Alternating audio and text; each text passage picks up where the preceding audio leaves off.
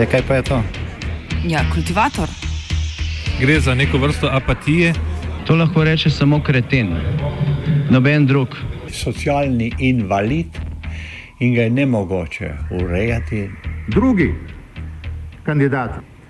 Pa, pa pije, kadi, masturbira, vse kako ti lahko reče. Nihče tega ne ve.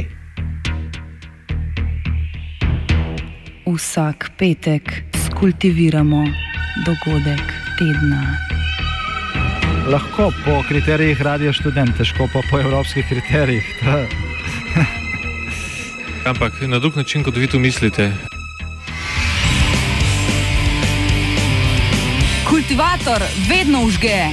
Da pač nekdo sploh omenja probleme, ki so, in da pravzaprav sploh nekdo sproži dogajanje uh, v družbi. To drži, drži.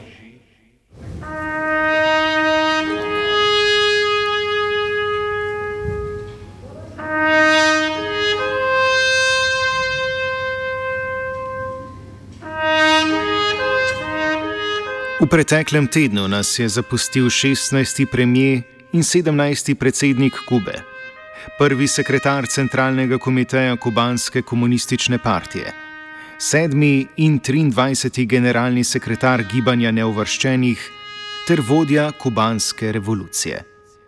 El komandante Fidel Castro.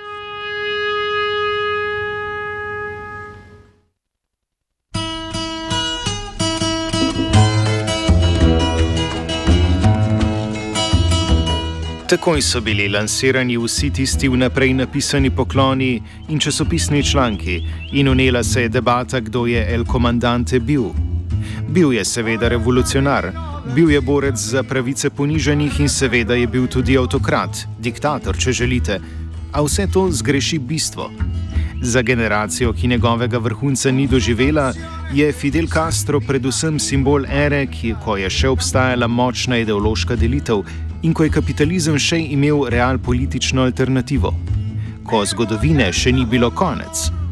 Iz Evrope se je poslovilne slovesnosti udeležil le Aleksis Cipras, ki je kljub vsem svojim hibam edini evropski voditelj, ki vsaj na retorični ravni priznava alternative kapitalizmu. Ostali pa se pretvarjajo, da je zgodovine še vedno konec, a ta se v resnici hitro odvija liberalni kapitalizem pa dobiva vse jasnejšo alternativo.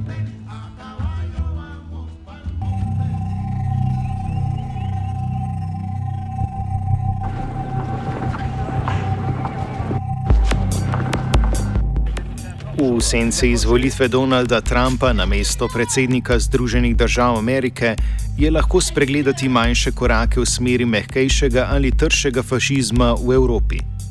V preteklem tednu je bil na Mačarskem na deset let zapora obsojen Ahmed H. Obsodba ga bremeni terorizma zaradi sodelovanja v spopadih med migranti in mačarsko policijo na mejnem prehodu Rške septembra lani. Spopadi, ki so jih mačarski mediji imenovali kar bitja, bitka za Rške, so se zgodili takoj potem, ko je mačarska vlada zaprla mejo s Srbijo. Migranti soočeni z zaprto mejo so v policijo vrgli nekaj improviziranih projektilov. Policija se je odzvala s vzivcem, vodnim topom in po poročanju ošivicev nediskriminatornim nasiljem proti terorističnih specialcev, ki za to vrstne situacije sicer niti niso usposobljeni. Aretiranih je bilo 29 ljudi, med njimi tudi Ahmed H., ki je bil edini obtožen terorizma. Razlog za takšno obtožbo je njegova uporaba megafona, preden so se začeli spopadi, zaradi česar ga je mačarsko sodstvo obravnavalo kot idejnega vodjo izgredov. Ahmed in njegova obramba trdita, da je preko megafona skušal pomiriti in ne razumeti strasti, obsojeni pa je na sodišču priznal, da je, ko so se strasti razumele, v policijo metal kamenje.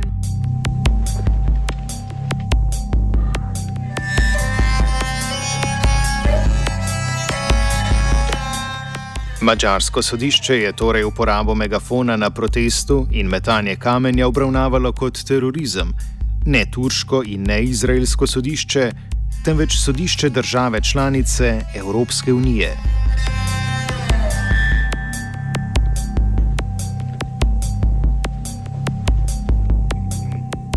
Na nizozemskem je medtem parlament potrdil prepoved nošenja burk v državnih institucijah in na javnem transportu.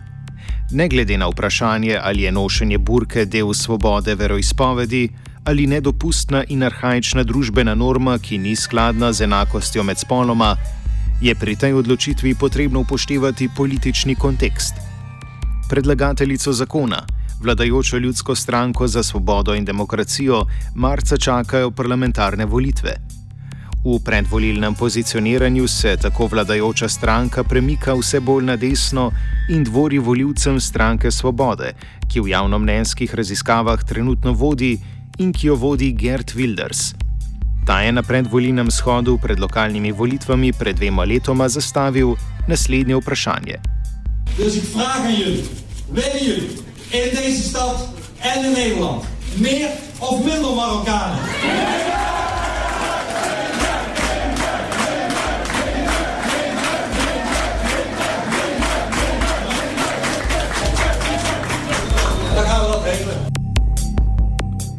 Želite v mestu in na celem nizozemskem več ali manj maročanov?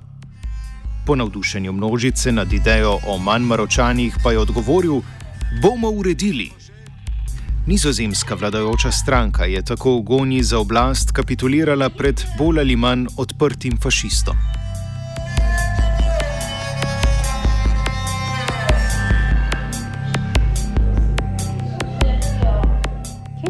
V desno so zapluli tudi francoski republikanci. Na naslednjih parlamentarnih volitvah aprila jih bo zastopal François Fillon. Ta je o islamu in migracijah govoril takole.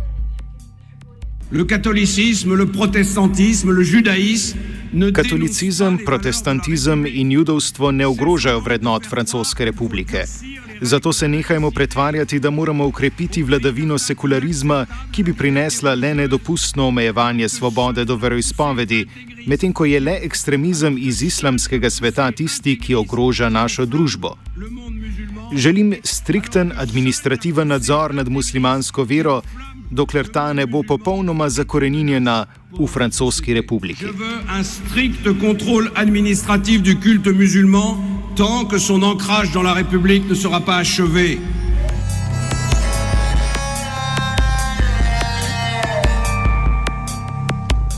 O pristopu izobraževalnega sistema do obravnave obdobja francoskega kolonializma pa Non, la France n'est pas coupable d'avoir voulu faire ne. partager Francija se ne sme počutiti krive, ker je delila svojo kulturo z ljudstvi Afrike, Azije in Severne Amerike.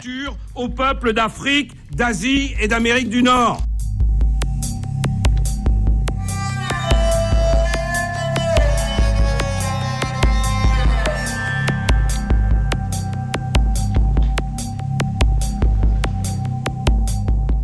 Fion pa zagovarja tudi bolj pragmatičen odnos do Rusije.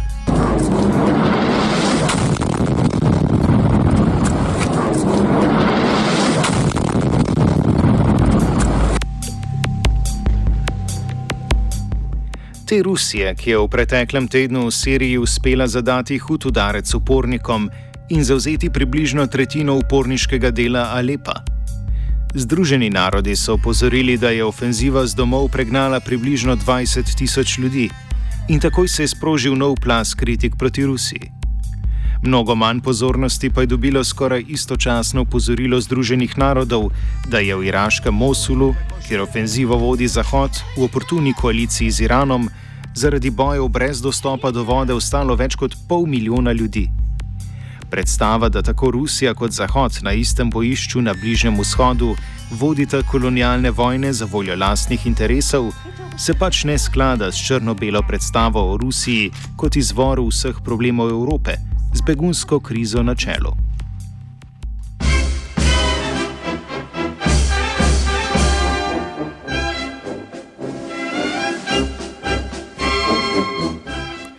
Evropska unija pa medtem rešitev za svoje tegobe vidi v zmožnosti lastne skupne obrambe in hrabro stopa po poti geopolitične samostojnosti. V ta namen je Evropska komisija ta teden predlagala ustanovitev skupnega sklada, iz katerega bi države, ki so vam prispevale, lahko tudi črpale sredstva za skupne nakupe vojaške opreme. Cilj tega naj bi bila harmonizacija arzenalov evropskih držav. Če se bo predlog uresničil, si tako očitno lahko obetamo še eno menjavo oborožitve, kakršno smo morali speljati tudi ob vstopu v NATO. S tem pa mora biti še eno rundo uničevanja domnevno zastarelega orožja, ki, kot se je izkazalo ta teden, na mesto v uničenju kaj rado pristane na bližnjevzhodnih bojiščih.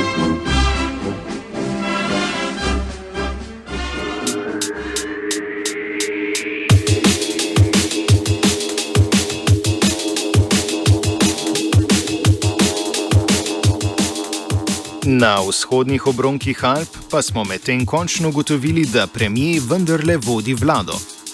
Po enem tednu prerekanja glede tega, kdo je imel pooblastila, zakaj jih je imel in kaj je ministrica za zdravje Milojka Kolar-Celarc sploh podpisala zdravniškim sindikatom Fides, je predsednik Desusa Karl Rjavec včeraj zjutraj v primeru sprejema sporazuma na vladi s preglasovanjem napovedal razpad koalicije. Drugo leto, poleg predsedniških volitev, bomo imeli očitno tudi parlamentarne volitve. Ko pa se je preglasovanje zgodilo, pa. Ni nobenega razloga, da bi izstopili.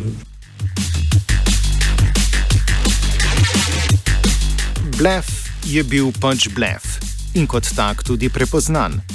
Rjavec pa še vedno obljublja, da bo ministrica za zdravje morala oditi, če v nekaj manj kot dveh tednih ne predstavi celovite zdravstvene reforme. Kako točno bo ta izgledala, še ni znano. Morda pa bi se lahko zgledovali po ravno kar preminulem El Comandanteju.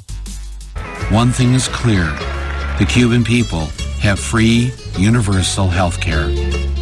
They become known around the world as having not only one of the best healthcare systems, but as being one of the most generous countries in providing doctors and medical equipment to third world countries.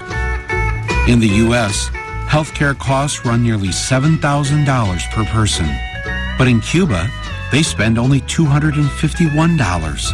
And yet, the Cubans are able to have a lower infant mortality rate than the United States, a longer average lifespan than the United States. They believe in preventive medicine, and it seems like there's a doctor on every block.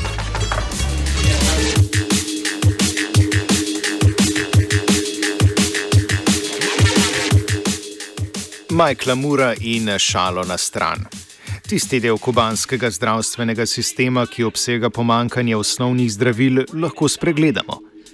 Prevzeli pa bi lahko naprimer njihovo število zdravnikov na tisoč prebivalcev, ki za dva in polkrat presega našega.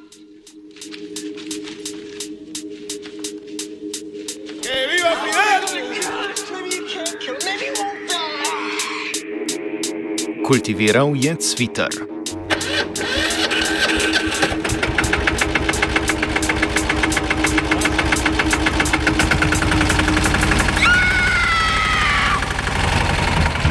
E, kaj pa je to? Ja, kultivator. Gre za neko vrsto apatije.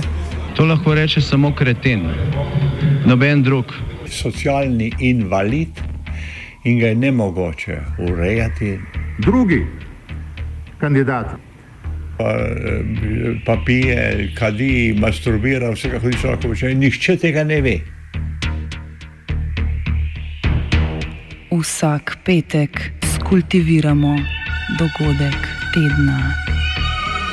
Lahko po kriterijih radio študent, težko pa po evropskih kriterijih. Ampak na drug način, kot vi tu mislite. Kultivator vedno užge. Da pač nekdo sploh omenja probleme, ki so, in da pravzaprav sploh nekdo sproži dogajanje uh, v družbi. To drži, drži.